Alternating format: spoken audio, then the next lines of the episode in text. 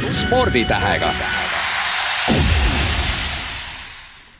tere teisipäeva, ilusa, ilus päikseline ilm ja eetris on järjekordne saade Tund sporditähega. eetris ikka Rando Soome ja Oliver Jakobson. täna me räägime ujumisest ja meiega on siin Eesti ujumiskoondise peatreener Riho Aljand. täna hommikul neid ajalehti vaatasin, sirvisin, siis jooksis seal selline uudis läbi, et Playboy on oma kaane staariks teinud ujuja Elina Partõka, Riho, et äh, sina neid pilte oled näinud juba või ei ole? Tere kõigile minu poolt ja jaa, loomulikult hommikul kell seitse on minul tavapärane päeva algus ja, ja esimese asjana löön lahti Õhtulehe ja ja noh, päris kenad pildid juba seal, loodetavasti on tulnud esteetiliselt korrektsed pildid välja, et meie kaunitel naissportlastel ei oleks häbi ennast näidata. no sinu, sinu tütar Triin Aljand on samamoodi tipp, tippujuja, et mis, mis näoga sa oleksid, kui helistab sulle, et papa, kuule, tahavad Playboysse ja vist lähen? No ma jah, see on mu isiklik arvamus, seisukoht kui isa, et ma ka rätsiks kukalt ja, ja küsiks üle, et, et, et kas ta on ikka selle sügavalt läbi mõelnud ja kas sellel asjal on ikka nagu see positiivne efekt, mida ta loodab sealt saada kas Ujumisliidul on ka natukene oma käsi mängus seal, et me teame ju, et Jana Kolukanova on meil mitu korda siin modellina üles astunud ja et teil on selline kohe reklaamiplakat, et ilusad naised? ilmselt äh, oleme organisatsioonis midagi mööda lasknud ja selle, äh, selle väikese niisuguse äh, raha avamise võtme ära kaotanud, et me ei ole nagu kunagi mõelnud selles, selles plaanis, et et alaliidule mm, selliselt finantse sisse meelitada, kui kui kasutades ära siis meie kauneid naisujujaid no enne kui me läheme siin võib-olla sportliku poole peale ja tegelikult ujumises on tegelikult teemasid, mida lahterdada, mida, mida rääkida, aga eelmise nädala kõige suurem skandaal ujumismaailmas olid trikood ja nende nii-öelda ärakeelamine ja nende, ma ei tea, vähendamine, see oli suurem teadus, kui on vormel ühes, et äh, ütle nüüd, Rein, kes sa oled, vabandust, Riho, me just ennem rääkisime, et no, siin on kaks meest, on Rein Aljand ja Riho Aljand, et lähevad väga tihti segamini. ei ole hullu. kui sa oled nüüd aastaid seal ujumises olnud, et kunagi olid ajad, kus mehed tõmbasid püksid jalga, hüppasid vette, praegu tõmmatakse sedasama trikood pool tundi ennem starti selga, sellega läheb rohkem aega võib-olla kui jäähoki varustusega, et kas see sama trikoo annab siis ta neid sekundeid nii palju juurde, need imetrikood, mida praegu kasutatakse? Eks ta annab küll ja see on ju teaduslikult tõestatud ja, ja sportlased, kes on neid eh, kõige uuemaid mudeleid, trikoosid kasutanud eh, ja testinud enne võistlust, eh, siis kõik on absoluutselt sada protsenti ühel meelel, et, et nendel on oma, oma niisugune sensuaalne tunnetuslik ähm, positiivne äh, omadus, pluss muidugi see, et, et ta mõjub ka sportlase vaimule selles otseses mõttes, ehk valmisolek stardiks ja enesekindlus on palju suurem. ja ma võiks öelda seda isegi, et äh, isegi nende kõige uuemate mudelite vahel on erinevate tootjate vahel, sportlased teevad erinevaid eelistusi. no mäletan, kui Ian Toop suur ujuja, ütleme enne Michael Phelpsi suur legend ujus, siis räägiti lausa hai lõpustest ja hai uimedest ja mis sinna kõike on juurde pannud, võib-olla ka mingit hülgrasvat, no milline oli see kõige, kõige segasem, kõige ütleme, meeletum asi, mida, millest räägiti, mida kasutatakse nende samade trikoode valmistamisel? eks ta on tegelikult äh, nagu etapiti toimunud, sest äh, kõigepealt oli kõige suurem niinimetatud revolutsioon oli ju siis, kui need pikad trikood kasutusele võeti ehk siis äh, Äh, suudeti arendada välja selline materjal, mis, äh, mis parandas tunduvalt ujuja libisemist, teame seda, et, et kui oli veel nii-öelda see lühikeste pükste aeg, siis ujujad ju äh, kraapisid oma nahad karvadest puhtaks, et veetunnetust parandada ja, ja, ja edasi, edasi siis pärast nüüd neid pikkade trikoode kasutuselevõttu, nüüd tekkis see uus revolutsioon eelmise aasta kevadel, kui Speedo tuli välja oma, me nimetame omavahel neid paneelidega trikoodeks, milles siis eh, mm, piisav suur protsent sellest trikoo pinnast on, on eh, kaetud niisuguse kummimaterjaliga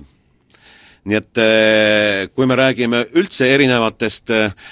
trikkidest, mida, mida, mida siis selle juures kasutatakse, ehk kui me Ian Thorpe'ile tuletasime meelde, siis temal oli, tippudel üldse mitmetel on spetsiaalselt nende keha järgi valmistatakse trikood,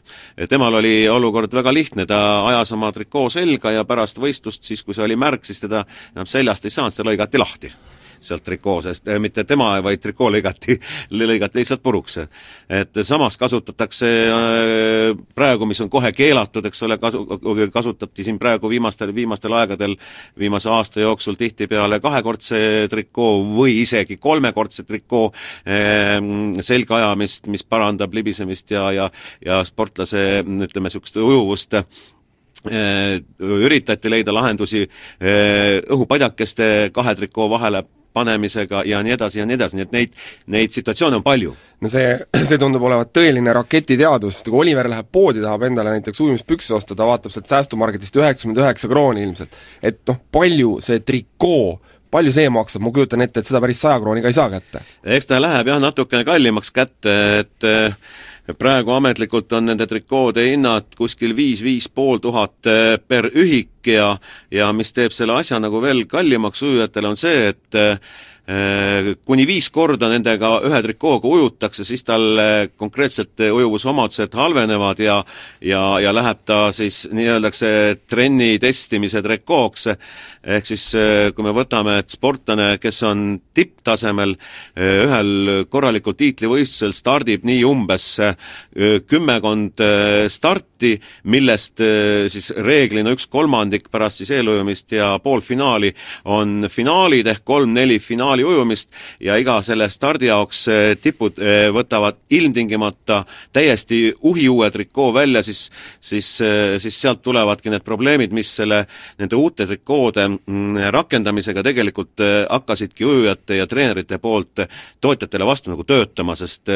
vahendeid lihtsalt ei jätku nende muretsemiseks see tundub olevat hea business igal juhul trikootootjatele, ütle, kas tõesti Eesti ujujad, Eesti Ujumisliit, oleme ka nii rikkad, et meil on seda luksust lubada, et viis trikood prügikasti, uus, uus asemele? Äh, jah, ega ei ole ja kui, kui, kui meil ei oleks sponsorlepingut, siis, siis see oleks nii nagu praegu nii mõnedelgi eh, noorematel või, või nõrgematel sportlastel oma rahakoti pealt ostmine, et eh, õnneks on meil eh, küll lõppes eelmise nelja aasta Arena leping ära, kohe lähipäevil on tegelikult uue allakirjutamine, mille tingimused on selgeks tehtud ja ja, ja selles, selles on see meie võimalus, et me saame neid trikoosid koondise tasemel sportlastele tasuta aga kas seal Arena ja Speedo vahel näiteks on ka selline suur sõda, nagu on võib-olla Bridgestone ja Michelini rehvidel vormel ühes, et kogu aeg täiustatakse, täiustatakse ja see muudab ka selle kallimaks? Eks, eks niikuinii, eks niikuinii, et tege-, tegelikult on, on välja kujunenud siin kolm-neli tugevamat, suuremat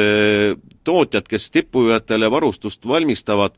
nendest äh, Speedo ja Arena on kaks sellist, kes väga aktiivselt ka sponsoreerivad ja ehk siis nende ideoloogia on see, et, et kui sa võtad, siis sa pead kindlasti ka sinna tagasi andma. et selles, selles plaanis äh, äh, võistlus heas mõttes neil käib, sest ega, ega muidu poleks Speedo tulnud ilma kellelegi ette teatamata eelmine kevad välja absoluutselt uue tehnoloogilise lahendusega, millest keegi mitte midagi ei teadnud ennem, ehk see on turu võitmise koht no ütleme, Michael Phelpsil ei ole probleemi, tal käivad võib-olla Speedo ja Arena vennad ukse taga koputamas, et palun uju meie meie kostüümiga, aga ütleme, kuidas eestlastel käib, et meil ju keegi pakkuma ei tule, me peame ise ostma? Äh, ei, see nii, kui ma ütlesin, et tegelikult koondise tasemel meil see Arena leping on olemas, ehk siis ehk siis Arena tuli ise, pakkus teile? Äh, jah Arena oli juba meil pikka aega tagasi, oli esimest korda meil sponsoris vahepealsed perioodid, kuidagi oli, äh, kuidagi oli see asi nagu Eestist mööda käinud, see Arena sponsorlusprogramm. aga nüüd oleme me selles, selles äh, tagasi, Arena täiesti aktiivselt suhtub ka väikeriikidesse, sest ta saab aru, et see on tema imidž ja see on tema Euroopa turg. tund sporditähega jätkame ujumisjuttu Riho Aljandiga. Riho, Therese Alsemaaril võeti praegu hiljuti rekord ära, kuna ta ujus nii-öelda enda väidetel oli, kandis lihtsalt rinnahoid, et jumala eest naisterahval ju täiesti mõistetav asi, aga kohtunikud lugesid seda nii-öelda kahekordseks või topelt topeltveaks, topeltveaks, topelt ujumistrikooks, et kas nüüd ei tohigi naisterahvad enam kanda rinnoideid seal all? Eh, Eks ta nii ole ja, ja, ja see kehtib mitte ainult naiste kohta, vaid ka meeste lühikeste pükste kohta pika trikoo all, sest tegelikult ega naised eh, reeglina ei kanna pika trikoo all mitte midagi. küll on väga palju mehi, kes kandsid ikkagi lühikesi ujumispükse trikoo all, nüüd on need ka täiesti keelustatud. kas see aitas siis kuidagimoodi liuglemisele, liuglemisele kaasa? Kes seda nüüd oskab öelda, kui seal oli kaks riidehilpu seal all, et, et võib-olla, võib-olla see ei olegi nagu nii palju kaasaaitav asjale, et, et kui on ikka teine trikoo all, siis, siis on selgelt eh, mõju olemas, aga aga kuna on kehtivad reeglid nüüd sellised, siis, eh, siis ei ole mitte midagi rääkida. Eh, Riho, ütle nüüd päris ausalt, on sul nagu kõrini ka sellest igasugustest trikoojamadest, et keskenduks ujumisele, aga ei saa, kõik aeg toimub mingisugune ma ei tea, mis asi no äh, seda on nüüd palju öelda, et kõrini oleks, aga, aga muidugi äh, praegu segadused veel jätkuvad, äh, FINA büroo tegi nüüd ühed otsused ära, sain teada just eh, meie sponsoritelt Itaaliast siin täna hommikul veel, et, et eh, tulevad ka veel täiendavad äh, täpsustused ujumisreeglites nende trikoode kandmise koha pealt ja ja, ja, ja me saame veel, veel kuulda ühte koma teist, küll aga üks hea asi oli see, et näiteks kui me rääkisime siin just äsja natukene nendest äh, võistlusest kahe tugeva vahel, siis siis Arena kinnitas, et neil on Roomaks spetsiaalselt valmistatud järjekordne uus mudel välja, Eh, mida on testinud juba maailma tipud ja nii mõnedki eh, maailmameistrid, eh, kellega on isegi juba jõutud ära teha lepingut järgmise nelja aasta suhtes, nii et et mulle anti kindel selline message, kui võib võõras keeles öelda, et, et me oleme heades kätes, kui me Arenaga jätkame. Aga mis nüüd nende reeglite muudatused on põhjustanud, kindlasti majanduskriis, rahval pole nii palju raha või on äh,, miks no vastus on tegelikult väga ühene. Äh, kui me paneme sportlased, nagu ujumine õnnetuseks on äh, väga äh, töömahukas ala, kui me paneme, ütleme, sportlase treenima kolmeks kuuks näiteks selle nimel, rääkimata eelmistest aasta, aastatest, ühe võistluse nimel, eh, ta tegelikult füüsiliselt võib-olla on isegi, et terakene parem sellest teisest ja kui nüüd üks võtab, paneb selle parema trikoo selga ja tänu sellele näiteks kahesajandikuga võidab, siis see teeb ikka natukene tuska küll. Et eh, selles plaanis on nagu eh, väga tähtis ja, ja, ja just seesama, see probleem kerkis üles just nimelt sellest tegijate poolt, et, et nad on ebavõrdsetes tingimustes kas need rekordid, mis sünnib ju siin ujumises, no iga päev tuleb jälle uus maailmarekord, kas see on nagu imidžile natukene halvasti ka mõjunud üleüldisele ujumismainele? no ma arvan, ma ei tea, kuidas, kuidas ütleme, lihtrahvas seda vaatab, eks ta tegelikult on üks, üks äh, suur vaht ala ümber ja ja teinekord on ju vaht päris hea, kui ala ümber käib. aga sisu on selles, et tegelikult ujumises on, äh, on äh, olümpia-aastal alati olnud väga tõsine aktiviseerumine tipptulemuste saavutamisel ja, ja see on nagu üks tõukejõud, ehk siis iga nelja aasta tsükli peale me näeme, et olümpiahooajal on kõige rohkem äh, rekordeid tehtud. Ja teine oli nüüd loomulikult siis see nende uute trikoode kasutuselevõtt, sest äh, kui me teame äh, ujumises ikkagi äh, rekordid ei, ei, ei purustata reeglina mitte sekundite ega, ega, ega viie-kümne sekundi kaupa, vaid toimub see sajandike ja kümnendike kaupa, et et äh, see on nagu, nagu ütleme nii, vanasti oli kergejõustikus pupka, pupka fenomen, et, et lükkas jälle senti peale ja läks jälle uus rekord käiku. aga kas, kui me räägime nendest samadest trikoodest veel, veel viimasena, et kas sinu arvates on siis kõige õigem see, et paneme kõikidele meestele sellised väiksed eh, suuspäid jalla, jalgaranda võib ka oma aastast tuhat üheksasada kaheksakümmend tuua Need on natuke uju... pikemad tuua oma ujumispüksid ja viskame nad kõik basseini? Eh, kui võtta nüüd ideaalset varianti, siis muidugi võiks olla ju nii, et, et kõik on ühesugustes tingimustes, on nad kõik ühe, ühtemoodi lühikestes või on nad ühtemoodi pikkades, aga siis olgu näiteks kas või ühe firma toodang näiteks. ehk siis kui me tuletame meelde F1 varianti, kui nad mõned aastad tagasi otsustasid konkreetselt ühe firma peale minna, kes nende võistlustele rehve tarnivad, siis ka ujumine võiks seda varianti mõelda, sest probleem on milles, probleem on selles, et et erinevad riigid koondiste tasemel teevad erinevate tootjatega sponsorlepingut ja nüüd, kui üks tootja läheb teisest eh, nagu paremasse, parematesse tingimustesse ehk, ehk arendab välja parema, parema lõpptulemuse selle trikoo näol, siis on need nagu eelistuses ja teised, kes võib-olla, kellel on ka oma maailmatipud olemas, ei saa neid võimalusi kasutada. Teeme siinkohal nagu eh, kompleksujumises, et vahetame, vahetame nagu seda ujumisstiili, et vahetame natukene teemat, räägime sellest, Riho, sind valiti vana aastanumbri sees, ehk siis tegelikult esimesest jaanuarist alates oled sa Eesti koondise peatreener, ütle, missuguse koondise sa enda kätesse said? Selle kohta võib öelda niimoodi, et meil, meil ei ole selles plaanis nagu klassikalist koondist kui sellist olemas, et vot siin on nii mitu inimest, need on koondise nimekirjas ja, ja teised on nagu väljas, et me praeguses uues situatsioonis, nagu ma peatreenerina tööd pean tegema, on, on minu töökohust-, kohustuseks tegelikult kogu eh, Eesti ujumise tippspordi jälgimine, ehk siis eh, kui me räägime koondisest kui sellisest, siis tinglikult võib öelda, et koondise tase on need, kes suudavad tiitlivõistlustele eh, läbi murda, on see siis nende A-normidega või B-normidega. et selles plaanis töö käib palju sul Kiikris neid nii-öelda noh, õpilasi, ujujaid on, et keda sa jälgid? No jälgin ma regulaarselt praegu kolmekümmet, neljakümmet inimest ja, ja sealt alt äh, on plaanis veel üks äh, projekt käivitada, kus me, kus me võtame kuskil sadakond äh, potentsiaalset noort täiesti vaatluse ja kontrolli alla, siis alates juba viiendast-kuuendast klassist, et me saaksime väga suure põhja kontrolli alla endale. kui sa, kui sa võtsid eelmiselt peatreenerilt Tõnu Meielilt selle takti, taktikepi või teatepulga üle, siis mis need võib-olla sinu sellised teesid olid, et mida nüüd tuleb muuta Eesti ujumises, mis, mis siin nagu muutuma hakkab? no esimene asi kindlasti on see, mis ma juba praegu välja ütlesin, et meil, et, et meil oleks ehk siis koondise peatreener, ma leian, peab omama piisavalt palju informatsiooni ja peab jälgima äh, võimalikult palju potentsiaalseid eh, tulevasi tippe ja, ja, ja seisma kindlasti olemasolevate tippude eest nagu hea eh,. See on nagu üks moment asja juures, ehk siis see, see eh, laialdasem jälgimine, mis meil ütleme, klubides toimub. Teine asi on see, et mis oli minul pro-, programmis sees, oli, oli kindlasti mm, suhtlemine klubidega kohtadel ja, ja sellega seoses loomulikult kohaliku omavalitsuse nagu huvi äratamine äh, ujumise kui ala vastu äh, ja, ja loomulikult äh, mis me ikka tahame, tahame paremat toetust, on see siis materiaalne või on see siis puht nagu äh, ütleme ähm, mm, kuidas seda siis õigem oleks öelda äh,, mentaalne, et, et neid inimesi tunnustatakse. moraalne. moraalne, õige või õige on nii vast öelda, jah. ja, ja, ja kindlasti äh, jätkan ma eh, programmiga, mille ma ka välja ütlesin valimiste ajal, eh, koondisele mm, tuumikosale eh, ühistreeningute korraldamine iganädalaselt, sest mis, mis on probleemiks, on see, et et klubides, kui on tippu pürgiv ja piisavalt andekas sportlane, siis nad paraku on ikkagi oma klubis, äh, jäävad nagu üksinda, äärmisel juhul kaksi, ehk nad on ülejäänud ujujatest nii palju üle, et nende treeningud muutuvad selles plaanis rohkem nagu nendel järeltulijatele aitavaks kui neid arendavaks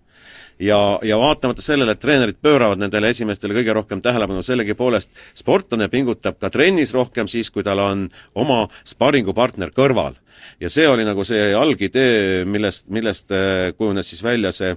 praegu toimuvate äh, koondise tuumiku ühistreeningud. aga sa pead silmas ikka neid, kes siis treenivad Eestis, sest me teame, et meie ujujad on üle, üle maailma laiali? Jah, äh, ikka, ikka jah, need, kes on Eestis, sest üle maailma laiali olevatel on kõigil, kes on nüüd läinud meie tippudest erinevatesse mm, kohtadesse treenima, neil kõigil on olemas väga head treeninggrupid ja see on neile, nende arengule ka kaasa aitamas, seda on selgelt praegu näha. Eriti nüüd, kus,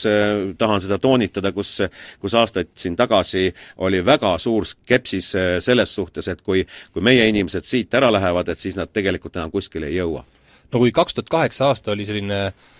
väga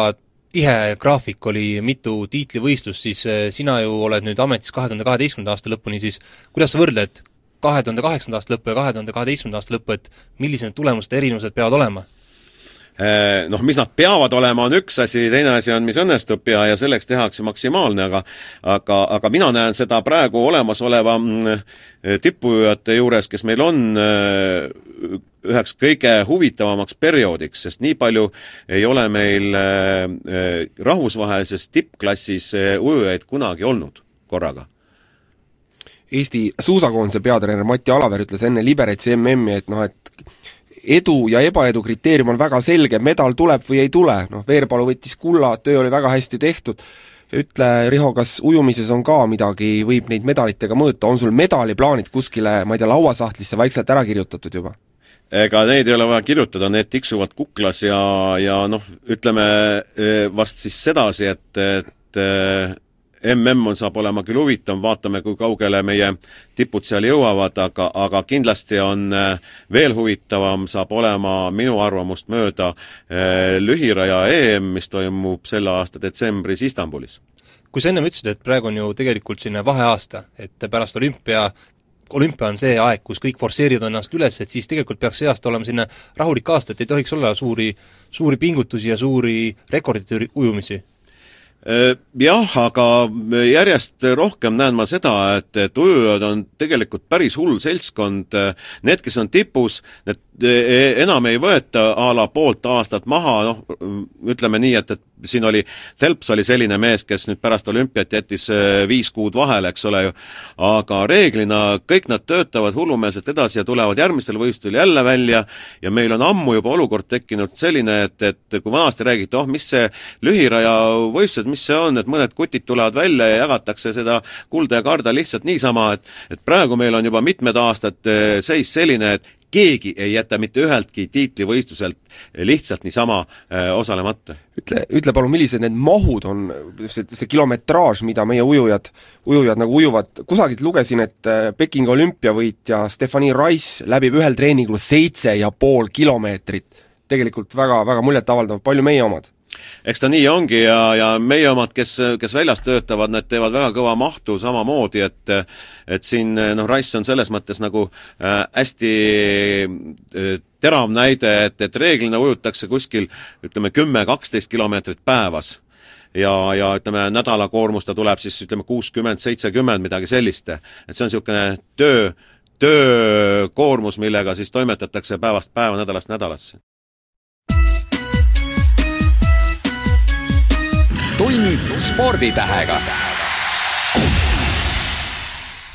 jätkub Tund sporditähega, meil on täna stuudios Riho Aljand ja teemaks on ujumine pärast Pekingi olümpiamänge. Riho, oli selline suur diskussioon, no niivõrd-kuivõrd, et meie, meie omad püsid seal mitu Eesti rekordit, ometi jäime muust maailmast maha, et võib öelda, et kui meie areneme siin kukesammudega, siis muu maailm võib-olla seitsme peni, penikoorma saabastega käib edasi, et millest see nüüd on tingitud, et, et meie tase on niivõrd maas maailma tippudest? seda nüüd niimoodi öelda ei saa, et meie tase on äh, niivõrd maailma tippudest maas, sellepärast et äh, see, kui olümpiamängul oled sa kuskil kolmekümnes või neljakümnes, äh, tähendab ikkagi päris korraliku rahvusvahelise taseme olemasolu. ehk siis need, kes on tasemest maas, me, need jäävad meil ikka koju ehk normid on selliselt seatud, et olümpiamängudele niisama, niisama peale ei saa olukord ka selline, mis on ka fakt, eks ole, et, et äh, meil ei ole sellist ühte säravat tippu, kelle pealt siis õitseda, ehk kes toob medali koju ja siis on, kogu ala kiidetakse väga hästi esinuks ehk meil on, äh, nagu ma ennem äh, ütlesin, et meil on rohkem neid, kes on rahvusvahelisel tasemel suutelised konkureerima kui kunagi varem. et selles plaanis liigub äh, Maailmaujumise tipp edasi, meie oleme selles samas sammus, aga selle pool sammukest maas kogu aeg olnud. Ehk neid on nüüd tänase päeva seisuga meil lihtsalt rohkem, mis annab minule sellise niisuguse positiivse mõtte sisse, et, et mingil hetkel keegi jõuab ka päris absoluutsele tipule lähemale, kui me siiamaani oleme olnud su enda kolm last kõik õpivad USA-s, et äh, arvatavasti sina oled just äh, selle leeri esindaja, kes ütleb, et äh, USA-sse minek on ainuõige otsus ja seal saad ju koos maailma tippudega areneda ja treenida Jah, eks seda ole mulle nina alla kirjutatud nii üks kui teine kord, aga tegelikult ei ole asi päris mitte nii. Ma olen üritanud kogu aeg selgitada, et Äh, ujumine, vaatamata sellele, et ta on äh, individuaalala reeglina, rääkimata siis teadtöömistest, põhiliselt on ta individuaalala, äh, omab sellist omadust ettevalmistusel, et selleks, et hästi ette valmistuda, pead sa tegema tööd grupis ehk igapäevane enda pitsutamine vastava tasemega grupis annab kõige parema efekti. ja, ja, ja see on, see on siis ka põhjus, miks ma äh,, miks ma ütlen praegu, et äh, igal juhul on äh, nendel sportlastel, kes USA-sse on läinud äh, maailma tippude kõrvale treenima, äh, on see parim lahendus olnud ja niivõrd-kuivõrd me suudame leida enda jaoks võimalused, et me saame võimalikult palju panna kokku meie oma kodus treenivaid ja õppivaid äh, ujujaid äh, äh ükskõik millise äh, spordibaasi mm, toel ja najal äh, siis või mis süsteemi rakendades, siis, siis igal juhul on ka kodus võimalik väga head tööd teha aga kas sa oled nõus või kindlasti on sul seda väidet mitu korda öeldud, et USA-s ei pöörata võib-olla personaalselt ühele ujujale nii palju tähelepanu, seal on ikkagi A ja O on see, et sa tood nendelt kolledži võistlustelt punktid koju? Äh, vale jutt Äh, tasemega, kui me räägime nüüd USA üliõpilasliiga äh, tööst, siis äh, tasemega ülikoole esimeses ehk kõige kõrgemas divisjonis on circa kolmkümmend või isegi nelikümmend. ja, ja seal on kõik sellised treenerid, kellel, kellel on piisavalt mõistust peas, et oma hea ja väga hea sportlasega ka vajadusel teha individuaalset tööd, seda ma võin oma, oma laste tegemistest kuulnuna kindlasti kinnitada. sa ise jälgimas ei ole käinud seal neid treeninguid? Äh, jah, eks kaks põhjust, üks põhjus on see, et on siingi nii palju tegemist ja teine põhjus, eks see ole piisavalt kallis ka, et, et võtta kätte ja, ja, ja minna sinna nii mitte kaheks-kolmeks päevaks, vaid näiteks kuuks ajaks aga kui nüüd oma õsukesed siia tagasi tuleb ja nendega siin basseini lähetakse, siis vaadatakse sinu peale kui noh, vana ja väsinud mehe pealt, et kuule, papakene, et nii küll enam asju ei tehta, meil Ameerikas on hoopis teised teemad. Kusjuures selles mõttes on nagu niisugune, ma arvan, niisugune positiivne infovahetus ja ma üritan neilt pidevalt eh, mingisuguste perioodide järgselt imeda niinimetatult välja seda informatsiooni või seda tegu, mida nad seal teevad ja nad on meile juba üksjagu andnud, nii et kui me, meil näiteks on äh, Ujumisliidus on kombeks teha sügisel ähm, treenerite sügisseminar, see on juba nüüd äh, mitu aastat toimunud, siis viimasel sügisseminaril saime ka teha väikese ettekande sellest, mismoodi seal äh, treeningplaanid välja näevad ja mismoodi seal treenitakse, mis põhimõtete järgi. sinu tütar Triin tudeerib Texase ülikoolis Texas A&M okei okay,, seal on neid ilmselt suht palju, et, et noh, ütleme, no kui ta helistab koju, nagu sa ütlesid, et tegelikult sa üritad imeda sealt infot välja, mis see põhitonaalsus on, hästi positiivne või tegelikult tuleb ikka seda ka, et et tead, see teisel pool Atlandi ookeani koduses Eestis ei olnud ikka ka häda midagi? on midagi sellist ka äh,? Niisugust juttu ei ole, et noh, et, et et ütleme, siin nagu ei olnud või seal nagu on ehk siis Triin ikka räägib seda, vaatab seda asja nagu täiesti normaalse pilguga, et see, mida seal rohkem saab, eks ole, ütleme see sparring ja, ja, ja ja kogu see know-how, mis, mis, mis treenerite poolt tuleb, eks ole, sest ütleme konkreetselt Triinu treener on äh, selle aasta universiaadi koondise USA peatreener. Äh,, ta on äh, kasvatanud üles mitmeid maailmameistrivõistluste medaliomanikke, olümpiamedali omanikke, nii et see, see tarkus on seal olemas sa rääkisid sellest samast know-how'st, eks suusatajatega tõmbasime juba paralleele, eks seal on ka meeletu, meeletute määrde uurimised, asjad, ütle noh, kui palju, milline see tehnika ujumises praegu on, ma kujutan ette, et arvutidisketid on täis mingeid imeinfosid, treenerid analüüsivad õhtuti, ma ei tea, kerivad edasi-tagasi mingeid uh, ujumistehnikaid, on see nii? ei ole ei ole. Eh, tehnika filmimisi tehakse periooditi ja vaadatakse, kas sportlasel on nüüd on tema tehnikas midagi eh, positiivse või negatiivse poole peale nihkunud ära eh, selle, ütleme, konkreetse ettevalmistusperioodi jooksul ja ja siis tehakse korrektiive, et tegelikult põhi põhiaur ikka läheb sellele, missugune on treeningu metoodika, äh, millal, millissuguste, milliste mahtudega või millisuguse, millise intensiivsusega ujutakse, äh, kuhu kohta sätitakse võistlused, äh, missugused on nagu treeningul abista-, treeningut abistavad võistlused ja nii edasi ja nii edasi. Nii et seda ei ole, et Ameerikas on suur imedemaa ja palju elektroonikat, et et nad on sellepärast kuidagi meist eespool? ei, absoluutselt mitte, absoluutselt mitte, aga üks asi, mis on kindlasti, on see, et, et mida nemad suudavad nende eh, räägime siis üliõpilasvanuse sportlastega, mida nad suudavad paremini meist teha, on see, et nad suudavad äh, pöörata tähelepanu konkreetsetele mingisugustele elementidele rohkem kui meie. sest meie treeneritel klubides on õnnetus see, et nendel väga palju tööjõudu ja tööaega läheb noorte sportlaste ujutamise peale, mis tegelikult, mille eest tegelikult klubi saab omal eh, niisuguse abivahendid eh, kohalikult omavalitsuselt ja riigilt, et seda peab tegema, et ennast elus hoida kas seda ei ole seal Ameerika ülikoolides, et vaadatakse ikkagi seda, et eh, number üks oleks ameeriklane, et eh, üks vaene eestlane tuleb siia, talle pakutakse seal kolledžis stipendiumit, aga tema areng ei ole niivõrd tähtis, kuna tema ei too kunagi kulda ja kald-, karda Ameerika ühend-, Ühendriikidele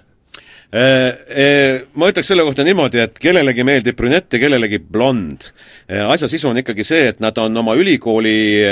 palgal olevad treenerid ja nende esmane tööülesanne on teha ülikoolis selle tiimiga, kes sinna on kokku kogutud või kokku kogunenud, teha maksimaalselt hea töö ja näidata seda ülikooli võimalikult positiivses valguses, sest eh, noh, nagu teame, ülikoolid ikkagi esimene asi, mis nad annavad, on, on teadmised ja läbi nende lisategevuste nad püüavad ennast maksimaalselt reklaamida, et nad on väga head ülikoolid. nii et eh, ka USA-s on selliseid ma räägin esimesest divisjonist, millest ma rohkem nagu tean, eh, on selliseid treenereid, eh, vähemalt oli neid veel üle-eelmise aastani, kes põhimõtteliselt ei olnud nõus võtma oma tiimi väljapoolt USA-t eh, sportlast aga see on murenenud järjest rohkem ja rohkem ja meil on nüüd juba seal ma arvan, et enamuses ülikooli tiimides on täiesti rahvusvaheline seltskond, mitte ainult ühes-kahes. kui sa vaatad oma kolme last, siis kelle areng seal Ameerikas võib-olla kõige suurema komeedina särama löönud? no praegu on ju kõige paremini liikunud edasi Triin, Marti teeb teist aastat, äh, tema tuleb kah, ehk see tema esimese aasta positiivne tulem oli see, et ta suutis ennast olümpiale välja murda, et äh, sai arengus väga hea tõuke edasi. Äh, Periti kohta saab öelda ainult nii palju, et äh, ta ujus omal tasemel seal nii kaua, kuni, kuni nüüd selle aasta keved, kevadeni välja ja ja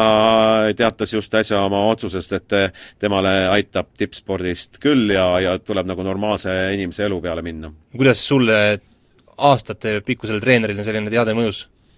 Mis ta mõjus, eks elu on ju elu ja, ja, ja kui me räägime, et, et kui sportlane on kahekümne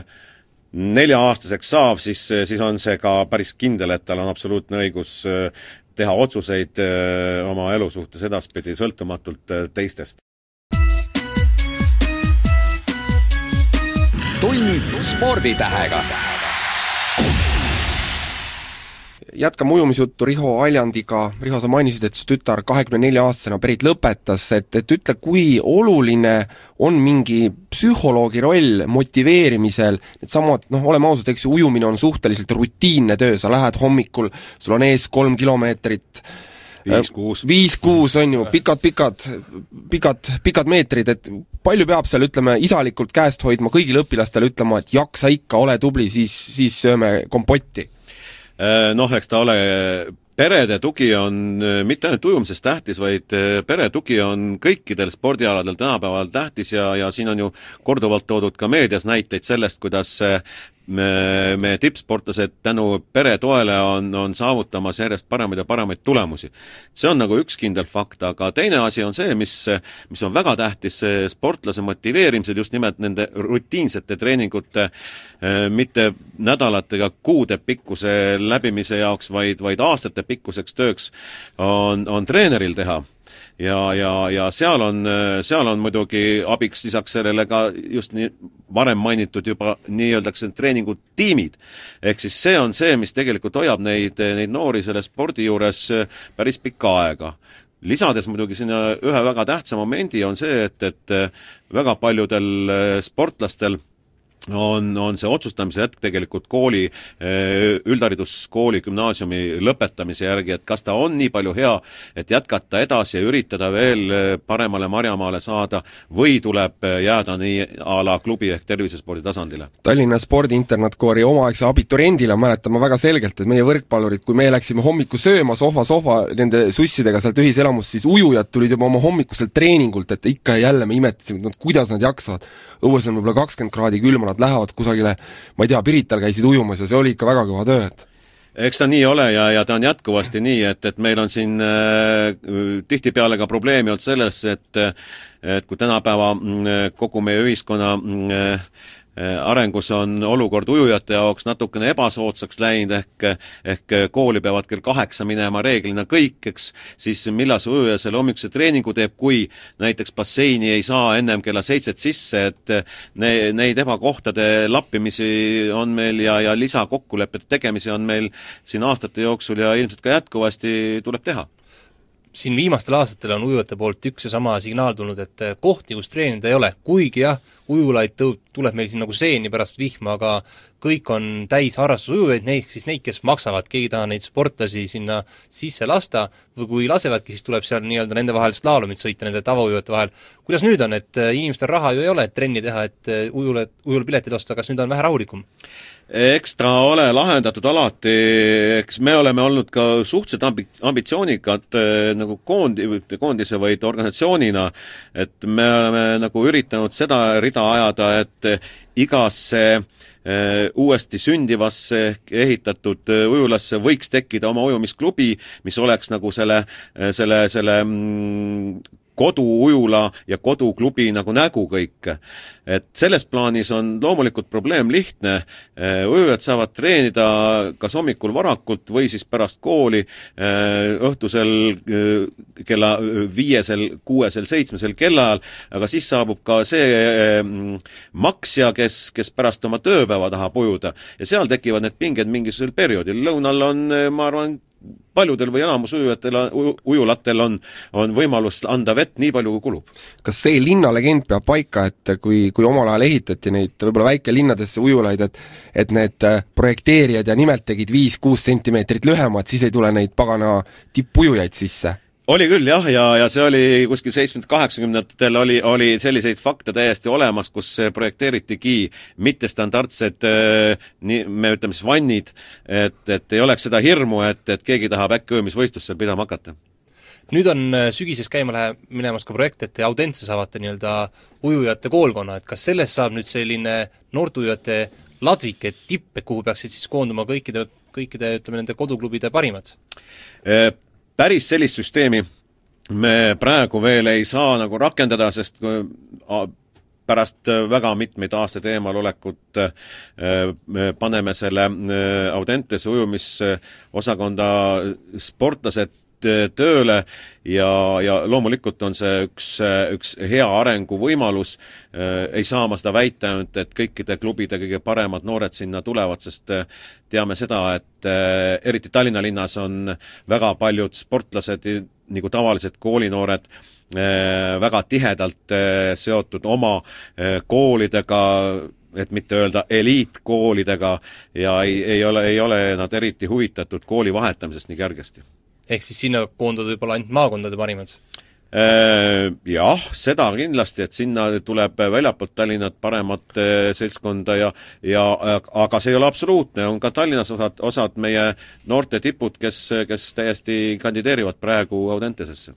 no tegelikult, kui sellest Audentesest läks jutt lahti, siis äh, nii mõnegi ala tipud ütlevad, et, et, et nende noored ei taha sinna Audentesse minna, kuna seal ei ole kas siis tõesti, nagu sa ütlesid, piisavalt hea õppeedukus või ei ole piisavalt head treenerid, et